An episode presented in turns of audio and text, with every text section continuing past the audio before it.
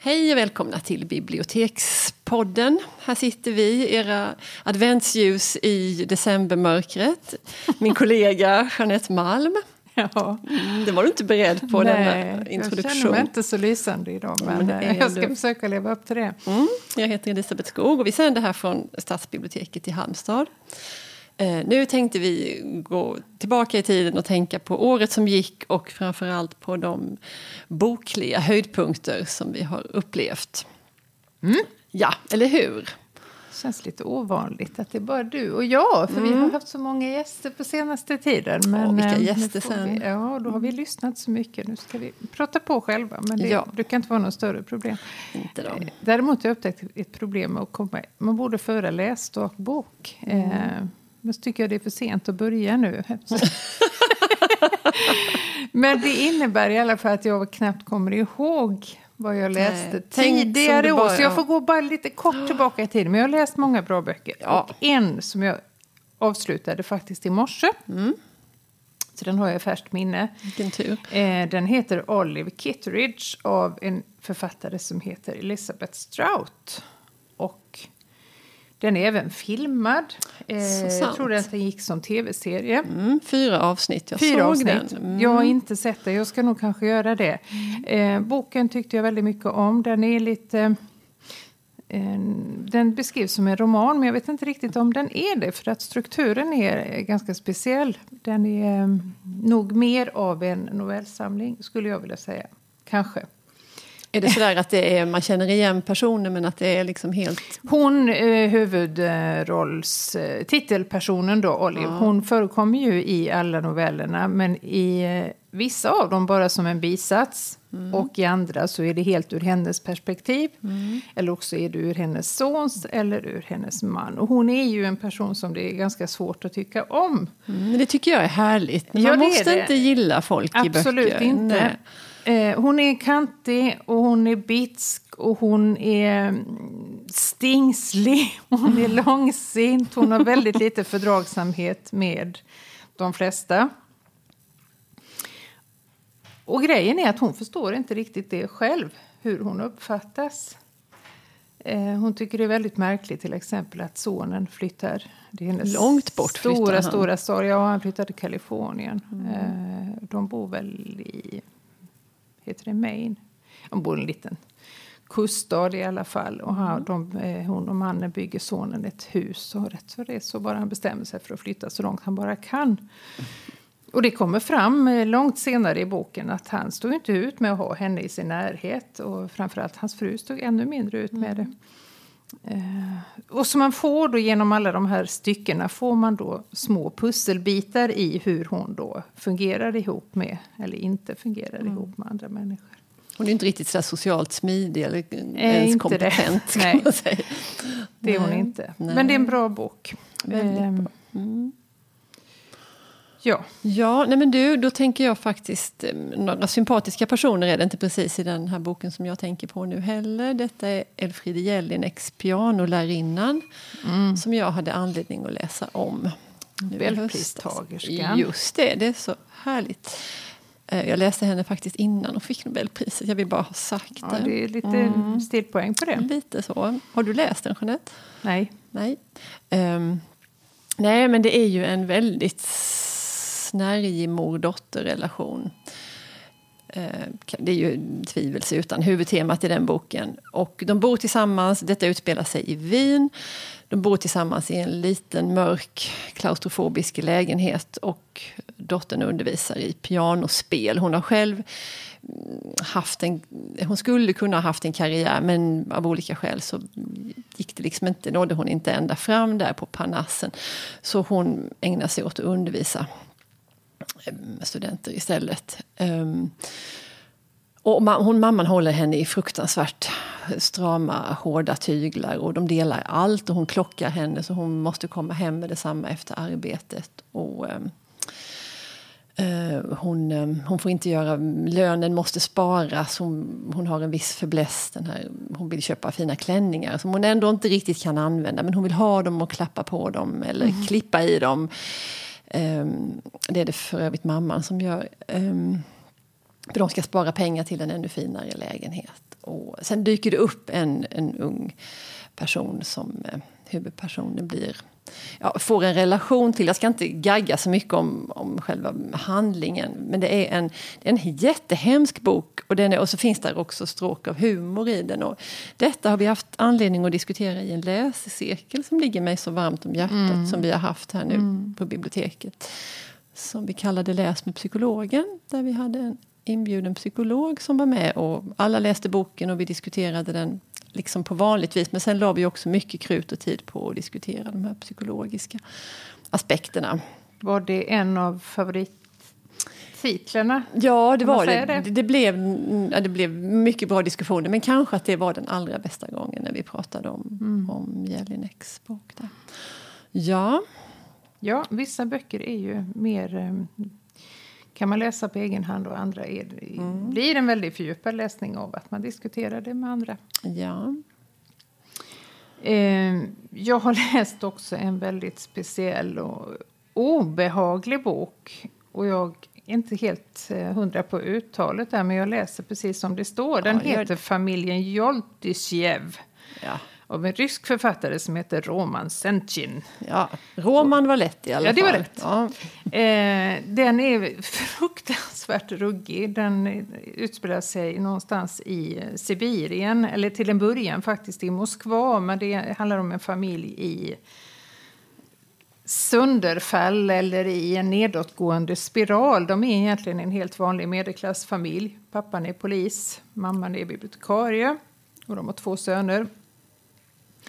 Men eh, fadern här han begår ett ganska, eller ett mycket, mycket allvarligt övertramp eh, i sitt jobb. Och det leder, han förlorar jobbet och de förlorar sin lägenhet, för det är en tjänstelägenhet och tvingas flytta till någon avlägsen faster i Sibirien.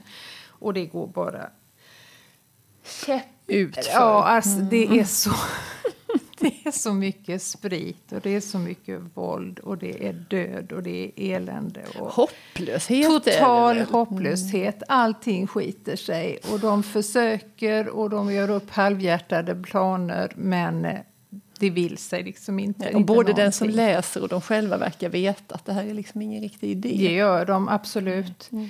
Men det kan ju låta helt eh, deprimerande men det är, det är det på ett sätt, men på ett sätt inte. Det är, mm, det är en väldigt ovanlig romanmiljö. Mm. Eh, och det är en ovanlig berättelse, för att den har verkligen ingen... Eh, det, det, det, vänder aldrig, tvärtom.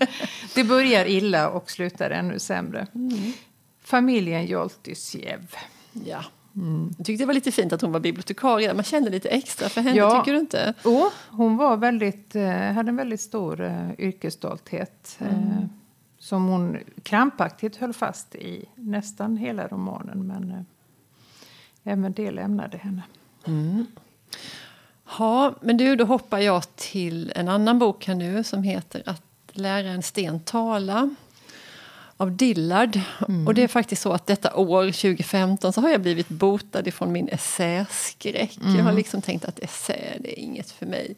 Det, är liksom, nej, det har inte varit något lockande. Jag har faktiskt Hur var det nu man definierade en essä? Ja, det är en vetenskaplig text som, som ändå har liksom ett populärt framställningssätt. Mm. Jag kan min läxa. Du, bra, ska bara checka av ja. så du inte har glömt. Ja, det är du som är faktarutekvinnan här av oss. Men den här Dillard, att lära en sten tala, den, eh, den eh, på något vis då föll alla hinder och allt. Jag bara klev in i den och jag tyckte så jätte, jättemycket om den. Jag fick faktiskt ett sms nu på lunchen ifrån någon som jag hade tipsat om denna bok och hon var helt besatt av... Ja, det var jätteroligt. Hon var alldeles till sig trasorna faktiskt. Och nu har jag inte så mycket att jämföra med men de här essäerna som Annie Dillard skriver de är Alltså det är ju som, som genren anger då, att hon tar avstamp ifrån något vetenskapligt aktigt. Men, men, men, så gör hon något eget av det och mm. hon är hon är personlig utan att vara privat och hon är underfundig och, och, humoristisk. Och det handlar om väldigt mycket olika saker. Om, hon tycker att det har gått ut för med katolska kyrkan för nu spelas där gitarr och de har sånggrupper som kallar sig Vildblommorna som sjunger lite valhänt. Och hon vill inte att det ska vara så för hon vill att de ska, det ska pratas latin och det ska vara långa sövande litanior och det ska vara strängt. Och, så, så är det inte längre. Det tycker hon är tråkigt. Och sen berättar hon om en fantastisk utflykt när hon och hennes man åker och ska titta på en um, solförmörkelse. Och, det, det, handlar liksom om till exempel sådana saker som vad är det man minns egentligen? Kan man domptera minnet och bara komma mm. ihåg rätt saker? Eller ibland kommer man ju ihåg liksom helt fel saker. Mm. Det uppehåller hon sig vid. Ja, den är superduperbra. Jag ska faktiskt ge bort den till några i julklapp. Jag tror jag ska göra det också, för mm. att jag blev ju också så smittad av din entusiasm. Ja. jag köpte två ex på bokmässan. Ja, just det. Eh, men jag har mm. faktiskt inte läst den Nej, Nej. Men det är gott att ha kvar. Så jag får ge bort ett ex och behålla mm. det andra. Ja. Och nu hoppar vi till...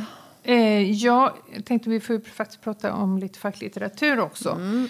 Det eh, finns mycket att hämta även där, icke att förglömma.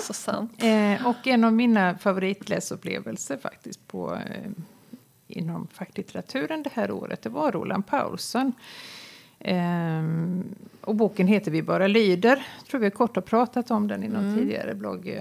Men vi, vi återkommer ju ständigt ja. till samma saker, känns det som. Inte bara, men Inte ibland. bara, men Nej. det händer. Mm. Han är i alla fall eh, eh, sociolog och befann sig då i en eh, period på fyra månader där han inte hade något jobb. Han hade doktorerat och han skulle sen få en postdoc-tjänst. Men under de här fyra månaderna så var han tvungen att uppsöka Arbetsförmedlingen. Och då uppdagades det här absurda systemet, vad, vad Arbetsförmedlingen har blivit. Så det, det slutade med att han gjorde en studie av personalen där, inte de arbetssökande utan personalen. Eh, och att de då har gått ifrån att vara ett vad namnet faktiskt antyder. Ett Förmedla arbete. matchar arbetssökanden mm. och eh, arbetsgivare. Så är det ju inte överhuvudtaget. 99 procent av alla jobb förmedlas utanför Arbetsförmedlingen. Utan de har blivit ett kontrollorgan för de arbetslösa. Det har blivit ett ställe där man ska hålla dem sysselsatta i olika faser där fas 3 är den absolut mest förödande att hamna i. Där kan man eh, bli satt att måla stolar som så fort färgen har torkat målar de ytterligare en gång i en annan mm. nyans eller kanske till och med i samma. Eh, detta gör han väldigt... Alltså han har ju ett allvarligt syfte med boken givetvis. Men hans sätt att skriva eh, gör att man, man faktiskt skrattar emellanåt mm. också. Det fastnar lite grann i halsen men eh,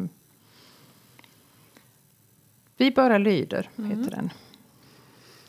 Och du har... Ja, eller är det nu vi har vår gemensamma? Men jag tänkte göra en liten fin övergång. Om du lugnar dig lite ja, så vill ja, jag säga ja. först vill jag ha med en, en diktsamling av Cirka Turka.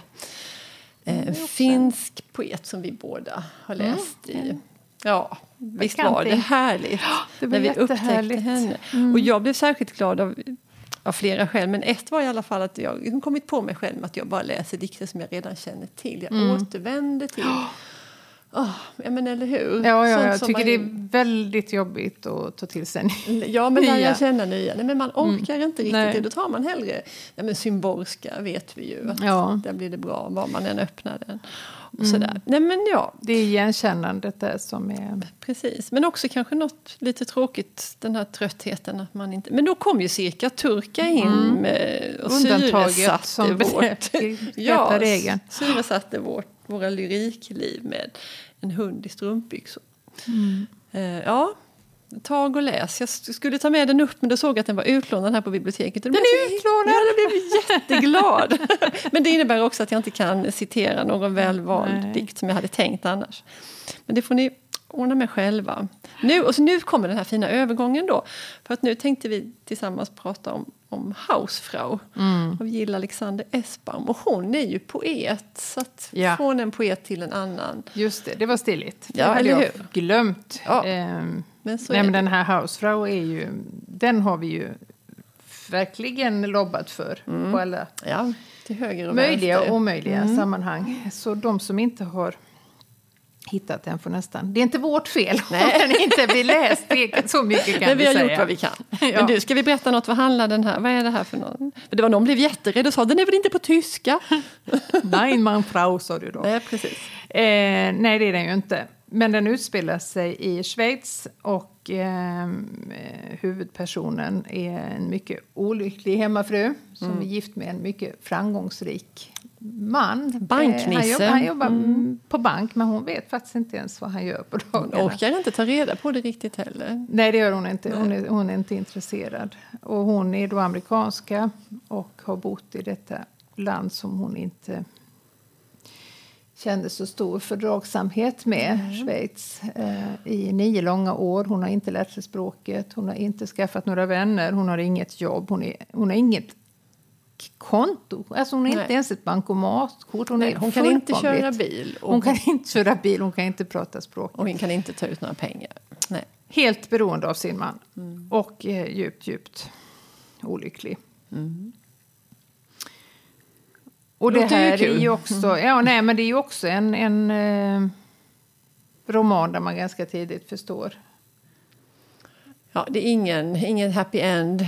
Ingen, Inte här heller. Nej. Nej. Men man läser den ju ändå, ja.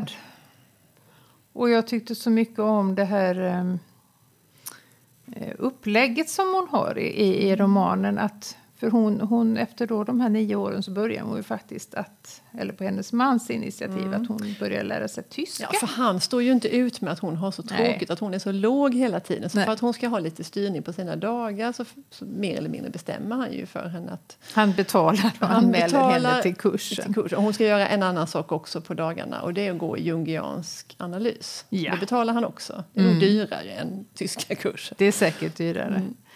Så man får lära sig väldigt mycket. Det är som den här psykoanalysen som verkar ju fruktansvärt trist. Och jag inte riktigt förstår. Nej. måste finnas bättre terapiformer. Ja, men det, grejen är att hon ljuger. Hon, säger, Ja. hon, hon är ju inte sanningsenlig där mot terapeuten. Så det kan Nej. ju inte vara så himla, kan ju inte bli så jättebra heller. Nej, det är sant.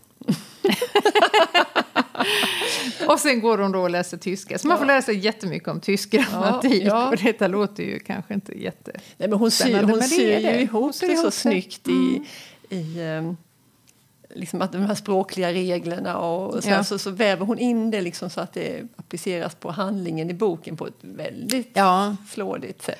väldigt flådigt. Så den, eh, den gillade vi. Den tyckte vi jättemycket om. Ja. Ha, vad tror vi sen då? Sen Vad som komma vad skall? som komma skall? Nej, jag vet inte. Vi har några sådär... Några Eh. Vi får fina... boksläpp har- som vi Nej, väntar på riktigt. Men det kommer fina, det fina författarbesök till Ja, det- våren. ja, och de, oj, oj, oj. de ska vi plocka in här i vår studio. Det vet de inte om ännu. Med milt våld. Ja då. Lock och pock. ja,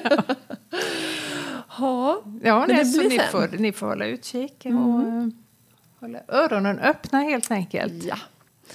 Men då så, då var vi lite färdiga för idag. Ja, vad säger man i de här tiderna? Ja, vad säger man? Man säger god jul. Ja, det gör man. Ja, god jul! God jul!